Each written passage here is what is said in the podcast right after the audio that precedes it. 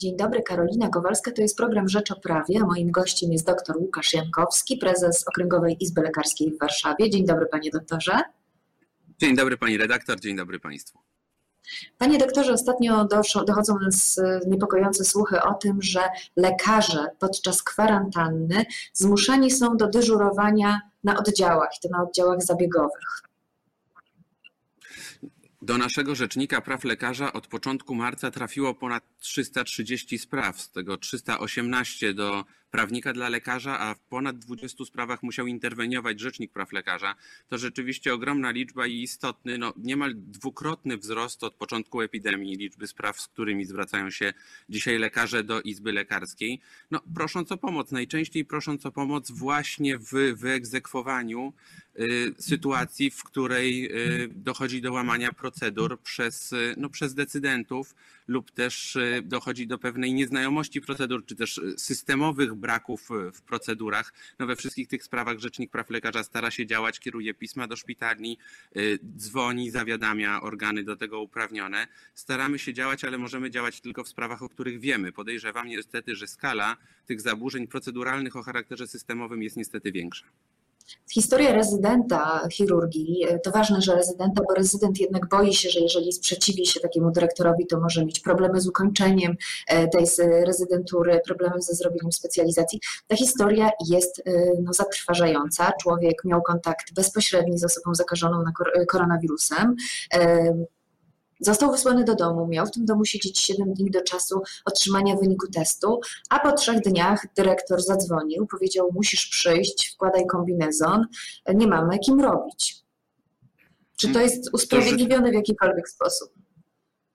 To rzeczywiście historie, które nie są jednostkowe, niestety i ubolewam nad tym, ale tutaj mamy do czynienia z taką systemową niedomogą proceduralną, bo oto dochodzi gdzieś na oddziale do, do wybuchu epidemii, do ogniska zakażenia, personel jest kwarantannowany i dyrektor szpitala, tak zresztą mówi nam również e, w rozmowie z Rzecznikiem Praw Lekarza, mówi, e, szanowni państwo, na oddziale pozostają chorzy, jeżeli wszystkich lekarzy z kontaktu wyśledzić do kwarantanny, to kto z tymi pacjentami zostanie, kto zapewni im bezpieczeństwo? I myślę, że e, tutaj ścierają się Y, dwie ogromnie trudne sytuacje. Pierwsza to konieczność zachowania procedur dla bezpieczeństwa lekarza skontaktowanego z pacjentem chorym na koronawirusa, dla bezpieczeństwa innych lekarzy i dla bezpieczeństwa innych pacjentów. I tu podkreślamy, że lekarz, który ma decyzję, powinien udać się na kwarantannę. No nie może dalej pełnić dyżuru w danym oddziale, nie może dalej w tym oddziale przebywać.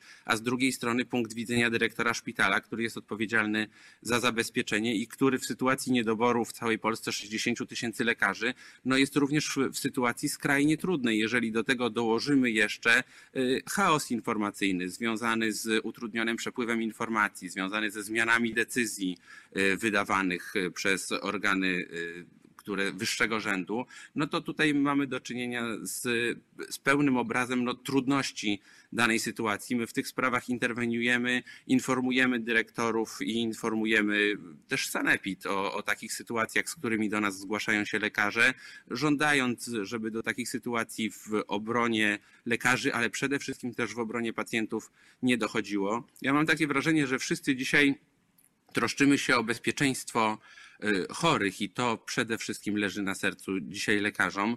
Y, w takim kierunku idzie Rzecznik Praw Lekarza, to znaczy jeżeli pojawia się problem, to nie myślimy o tym, kto zawinił, gdzie, gdzie jest błąd, tylko myślimy o tym, jak najszybciej, żeby problem rozwiązać, żeby po prostu w tej sytuacji nie narażać pacjentów. No, sytuacja, o której pani redaktor mówi, że lekarz na kwarant z kwarantanny jest wzywany dalej do oddziału, mówi się mu, że ma założyć kombinezon i ma dalej dyżurować, e, ponieważ nie ma e, rąk do pracy, jest absolutnie niedopuszczalna. Są organy powołane do tego, żeby e, no, powoływać lekarzy i żeby te te niedostatki, które są, starać się kompensować między innymi poprzez zmianę organizacji pracy. Po prostu. W związku z tym my z naszej lekarskiej strony na pewno nie będziemy godzić się na... Zamknąć taki oddział, jeżeli nie ma kim pracować, a jedyny lekarz może być potencjalnie zakażony? Tu znowu trzeba zrozumieć e, wszystkie punkty widzenia. Takie sytuacje wybuchają najczęściej niestety e, w piątek wieczorem lub też, lub też w weekendy. Takie są nasze obserwacje. W związku z tym jest zdecydowana trudność wykonywania szybkich ruchów, ale dlatego też zwróciliśmy się z prośbą do Narodowego Funduszu Zdrowia o otwarcie infolinii, ale też e, tak naprawdę decyzyjnej infolinii, pod którą lekarze mogliby zgłaszać naruszenia i pod którą my byśmy mogli zgłaszać naruszenia. Dziś mamy też dostęp do 24-godzinnej skrzynki e-mailowej, do, na którą możemy zgłaszać nieprawidłowości. No, z naszej lekarskiej strony jest pilna potrzeba dodzwonienia się w takich sytuacjach do decydentów i tego, żeby decydenci podejmowali jasne decyzje. Jeżeli gdzieś zachodzi konieczność zamknięcia oddziału, to ten oddział trzeba po prostu zamknąć, a nie narażać dalej lekarzy i pacjentów pacjentów, ale w idealnej sytuacji y, zmiana organizacji pracy, wprowadzenie rotacji tam, gdzie to jest możliwe, y, bądź też taki, tak zorganizowany przepływ personelu i organizacja pracy oddziałów, która pozwoliłaby jeszcze w tych sytuacjach kryzysowych na, no na po prostu zyskanie czasu na podjęcie y, tych decyzji, przy zachowaniu bezpieczeństwa dla pacjentów i lekarzy, no ona byłaby zdecydowanie lepsza i tego wymagamy dzisiaj od decydentów. Panie doktorze, co można zrobić? Co może zrobić Izba oprócz tego, że może zgłosić takie naruszenie do NFZ-u? My działamy w oparciu o ustawę o izbach lekarskich, która mówi wprost, że my działamy reprezentując y, indywidualne bądź zbiorowe interesy lekarzy i dbamy o godność zawodu lekarza, działamy ku ochronie zawodu lekarza. W takim kierunku też idzie Rzecznik Praw Lekarza, którego Okręgowa Rada Lekarska upoważniła do tego, żeby właśnie korzystając z tego upoważnienia ustawowego, on występował w obronie indywidualnych i zbiorowych interesów lekarzy. W związku z tym podstawę prawną do, do działań w interesie lekarzy na pewno mamy. Możemy interweniować, możemy nagłaśniać problemy, możemy wręcz zdecydowanie żądać od decydentów przestrzegania procedur. Niestety w wielu sytuacjach dotychczas odbijaliśmy się od takiej proceduralnej y, ściany zmian decyzji, czy też po prostu trudności w dodzwonieniu się y, do danego mhm. organu. Stąd też wyszła nasza prośba o taką infolinię decyzyjną i myślę, że tą infolinię decyzyjną w która już działa, będziemy chcieli jeszcze w porozumieniu z NFZ-em i w porozumieniu z Sanepidem rozwijać. Gdzieś między wierszami pojawia się pomysł o tym, żebyśmy również umożliwili tym lekarzom, którzy y, chcieliby pomóc przy zwalczaniu epidemii, żeby oni na zasadzie ochotników mogli się zgłaszać, ale tutaj y, te pomysły pojawiają się ze strony decydentów Natomiast ze strony nas, czyli Izby Lekarskiej, jest wyraźne żądanie, że jeżeli lekarz miałby gdzieś się pojawić jako ochotnik, no to musi być wyposażony w pełne środki ochrony indywidualnej. Musiałby być w pełni ubezpieczony i to na konkretną sumę po to, że gdyby coś mu się nie daj Boże stało, y, to żeby to ubezpieczenie y, te straty pokryło. No i nie może być tak, że lekarz jest kierowany do danego miejsca, gdzie są braki i zaprowadzany tam po prostu przez policję. To musi być w pełnym dialogu dialogu z danym lekarzem przy poszanowaniu y, dla, dla lekarza, bo chyba to jest dziś najważniejsze. My jako środowisko lekarskie nie unikamy y, y, pracy przy, przy tej epidemii, ale kluczowe jest to, żeby były środki ochrony indywidualnej, ubezpieczenie, no i właśnie po prostu ludzkie podejście, żebyśmy czuli, że razem jesteśmy na tym froncie, razem z decydentami, a o to niełatwo. Dzisiaj w rozmowach z decydentami pojawia się pomysł walizki medyka, czyli takiego zaopatrzenia, które dany lekarz, który zdecydowałby się wspomóc na froncie walki z koronawirusem, mógłby dostawać chociażby na ten pierwszy okres, kiedy pojedzie do danego szpitala, jeszcze nie wie, gdzie jest jaka szafka, gdzie na oddziale, jak się poruszać, żeby już był w pełni chroniony od samego początku. Na pewno będziemy o tym jeszcze z decydentami rozmawiać. Jeżeli znajdą się tacy ochotnicy, to też sądzę, że ze strony środowiska lekarskiego takie wsparcie będzie, choć zwracam uwagę, że już w Polsce brakuje 60 tysięcy lekarzy i tych lekarzy nie ma skąd y, nagle wziąć. My apelowaliśmy od wielu lat o istotne zmiany w ochronie zdrowia, o zwiększenie finansowania w ochronie zdrowia. To niestety nie spotykało się ze zrozumieniem Y, no, części społeczeństwa i, i, decydentów. Dzisiaj te wszystkie braki w ochronie zdrowia no, wychodzą na jaw i 60 tysięcy lekarzy nie da się y, w szybki sposób zastąpić. My, ja mam takie poczucie jako środowisko lekarskie dzisiaj i tak dajemy z siebie wszystko, ale jeśli dostaniemy zapewnienie właśnie pełnej ochrony, i ubezpieczenia, czyli po prostu ludzkie warunki, bezpieczne warunki, w których moglibyśmy w danym szpitalu w trudnej sytuacji pomagać, to mam poczucie, że e, moglibyśmy wtedy liczyć na to, że co najmniej kilku lekarzy jako ochotnicy by się do takiego zwalczania epidemii zgłosiło. Zobaczymy, jak to będzie. Czy to wystarczy?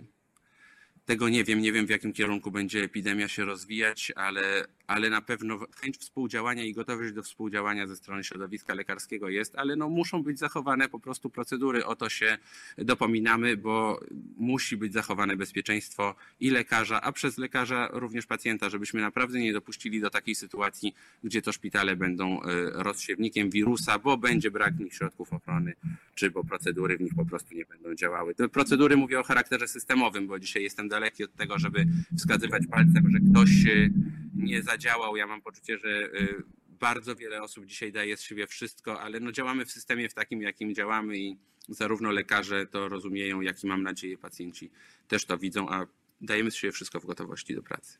Ja zauważyłam, że środowisko porozumienia rezydentów ZZT, z którego Pan się wywodzi, zresztą to środowisko, które no dwa lata temu, przepraszam, już trzy prawie, zorganizowało głodówkę, która dała początek tym istotnym zmianom w ochronie zdrowia, w zwiększeniu nakładów na ochronę zdrowia, choć no nie tak e, dużego zwiększenia, jakby Państwo oczekiwali, że właśnie oni teraz się bardzo zaangażowali, Państwo się zaangażowali w pracę przy tej epidemii, że tutaj wszystkie jednak ręce na pokład są. Wiem, że doktor Katarzyna Pikulska na przykład, jak nie dyżuruje, to załatwia jakieś masy maski dla kolegów z różnych szpitali. Także trzeba powiedzieć, że tutaj no, Państwo podkreślali tą potrzebę zwiększenia nakładów, ale nawet jak one nie zostały zwiększone, to też dają Państwo z siebie wszystko, żeby pomóc w takiej sytuacji.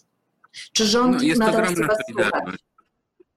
Jest ogromna solidarność ze strony medyków, środowiska lekarskiego, ja bym powiedział nawet szerzej, całego środowiska lekarskiego. Jest ogromna solidarność społeczna. To widać w tych akcjach, które na przykład w Okręgowej Izbie Lekarskiej przeprowadzamy, czyli harcerze pomagają dzisiaj y, starszym lekarzom, y, jeżeli chodzi o leki, pomagają przy Y, przy opiece nad dziećmi po to, żeby lekarz mógł się w pełni zaangażować w pracę. Zgłaszają się wciąż do nas osoby, które mają mieszkanie dla medyka, w którym taki medyk mógłby odbyć kwarantannę, czy też oczekiwać na wynik testu. I to są rzeczywiste formy wsparcia, y, które dają efekt, bo dzwoni y, jeden z lekarzy mówiąc o tym, że oczekuje na wynik testu i w oczekiwaniu na wynik po kontakcie z osobą zakażoną dostał gorączki. Gdyby wynik wyszedł pozytywny, no to ja on wrócił do domu, do rodziny, no to paradoksalnie prawdopodobnie prawdopodobnie mógłby też narazić tą rodzinę. To się nie stało dzięki temu, że ktoś ofiarował swoje mieszkanie. To wydawałoby się tylko mały gest mieszkania, ale to ochrona dla, dla rodziny lekarza. Kilka osób być może udało się dzięki temu przed zakażeniem uchronić. Y, inne akcje, czyli rozwozimy sprzęt do szpitali, to co pani redaktor mówiła, zbieramy, kontaktujemy te osoby dobrej woli, które ofiarowują, szyją maseczki z tymi, którzy, z tymi, którzy potrzebują. Rozpoczęliśmy pomoc przy szybkich testach dla medyków. Tutaj kolportujemy No właśnie, to jest chyba bardzo, bardzo nowa rzecz, prawda? Z ostatnich kilkunastu godzin. Okazało się, kiedy, kiedy rozmawialiśmy z głównym inspektorem sanitarnym, okazało się, że wszyscy widzimy potrzebę tego, żeby medycy jak najszybciej, w sferze deklaracyjnej oczywiście, żeby jak najszybciej y, robili te testy, ale problem rozbił się o rzecz prozaiczną, o wymazówki. W związku z tym myśmy te wymazówki po Czyli prostu. Wymazówka to jest patyczek, którym to się jest, y, pobiera. Mówiąc, Czyli mówiąc językiem y, takim bardziej społecznym, to jest ta probówka, do której trafia wymaz no. patyczek, którym wymazujemy sobie tylną ścianę gardła bądź nosokardziel i, i y, wkładamy do takiej probóweczki i tą probówkę y, przewozimy do, do testowania. Pojawił się taki problem wymazówek. Od wczoraj mamy już w Izbie Lekarskiej te wymazówki. Chory lekarz może wysłać zdrową osobę po to, żeby tą wymazówkę mu dostarczyła, szybko zrobić test, a dzięki temu, że na naszym terenie działa laboratorium Warsaw Genomics, które no, priorytetowo traktuje lekarzy, za co serdecznie dziękuję, to możemy te testy ułatwić po prostu, no bo dziś, jeżeli roz, problem rozbijał się o brak wymazówki, to my na tą potrzebę odpowiadamy. Oczywiście wspieramy też lekarzy prawnie. Mają trzy drogi zgłoszenia się do Izby dzisiaj, do Rzecznika Praw Lekarza, do prawnika dla lekarza, czyli do dedykowanego biura, a Okręgowa Rada Adwokacka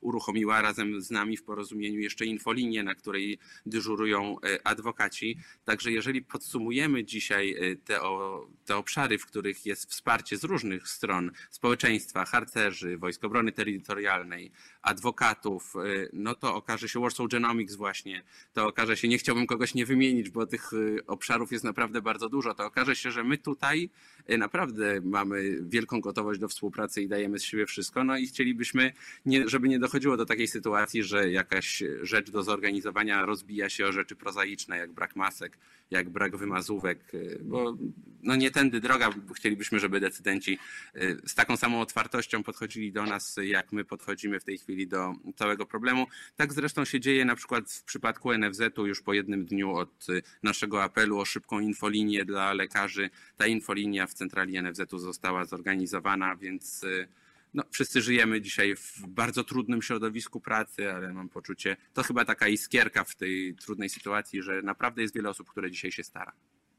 Z jednej strony właśnie ogromna liczba osób, które się starają, ogromna pomoc, z drugiej słyszymy, od, że, że to dochodzi z informacja z urzędów wojewódzkich, że kiedy wojewoda próbuje wysłać nakaz pracy, to na 60 takich wniosków e, zgłasza się tylko kilku lekarzy. Jasne, Co się dzieje? Choć...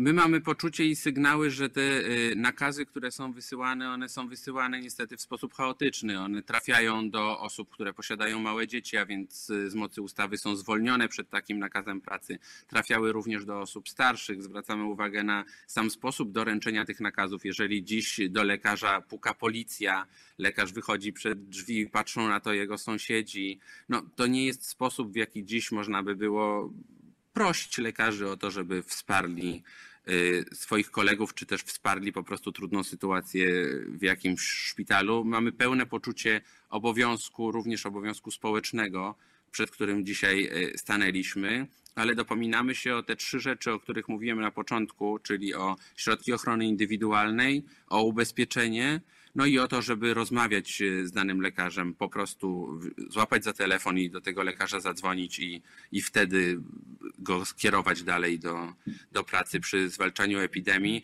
Ten dotychczasowy sposób e, działania chaotycznego, działania siłowego, jak widać, nie zdał po prostu egzaminu. Co będzie dalej? No mam nadzieję, że będziemy mogli jako środowisko wystąpić dzisiaj z z takim apelem o, o te trzy rzeczy, które powinny być spełnione i że ten sposób będzie dalece usprawniony. Wszyscy sobie zdajemy sprawę, że lekarzy dzisiaj potrzeba, że lekarze są dobrem narodowym. I, no i myślę, że w tym kierunku, o którym mówiłem, powinniśmy dzisiaj iść, czyli chronienia tego dobra narodowego, zapewnienia pełni bezpieczeństwa lekarzom, a wtedy myślę, że wszyscy będziemy bezpieczniejsi. Czyli rozumiem, że taka statystyka, kilka tylko lekarzy, kilku lekarzy zgłoszonych na kilku, kilkadziesiąt wniosków, to nie jest kwestia tego, że lekarz nie chciał, tylko tego, że lekarz nie mógł, nie kwalifikował się.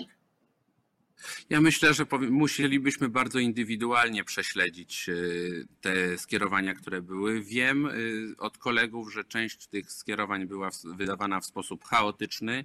Wiem też, że istnieje obawa po stronie lekarzy, że nie ma środków ochrony indywidualnej i że tam, gdzie mieliby trafić, y, no, też tych środków ochrony indywidualnej nie ma, w związku z tym byliby w pełnym narażeniu, ale tak jak mówię, no każdą z tych sytuacji należy oczywiście oceniać indywidualnie. Nie chcę tutaj nikogo usprawiedliwiać, raczej zwracam uwagę na systemowy problem wręczania skierowań przez policję, również w nocy, co się zdarzało, że policja pukała do drzwi lekarza na przykład o północy, wręczając mu skierowanie do szpitala, że ma rzucić wszystko i po 8 godzinach od 8 rano być już w szpitalu oddalonym od jego miejsca zamieszkania. Y, w związku z tym na pewno należy, no mówiąc delikatnie, ucywilizować ten proces, a tak naprawdę unormować, unormować go, a wtedy wierzę, że ten odsetek lekarzy, którzy będą trafiać y, i pomagać po prostu w takich ośrodkach będzie dalece większy. Dziękuję bardzo panie doktorze. Dziękuję państwu. Bardzo Moim dziękuję. gościem był dr Łukasz Jankowski, prezes Okręgowej Izby Lekarskiej w Warszawie, a ja zapraszam na Rzecz o Prawie we wtorek po świętach.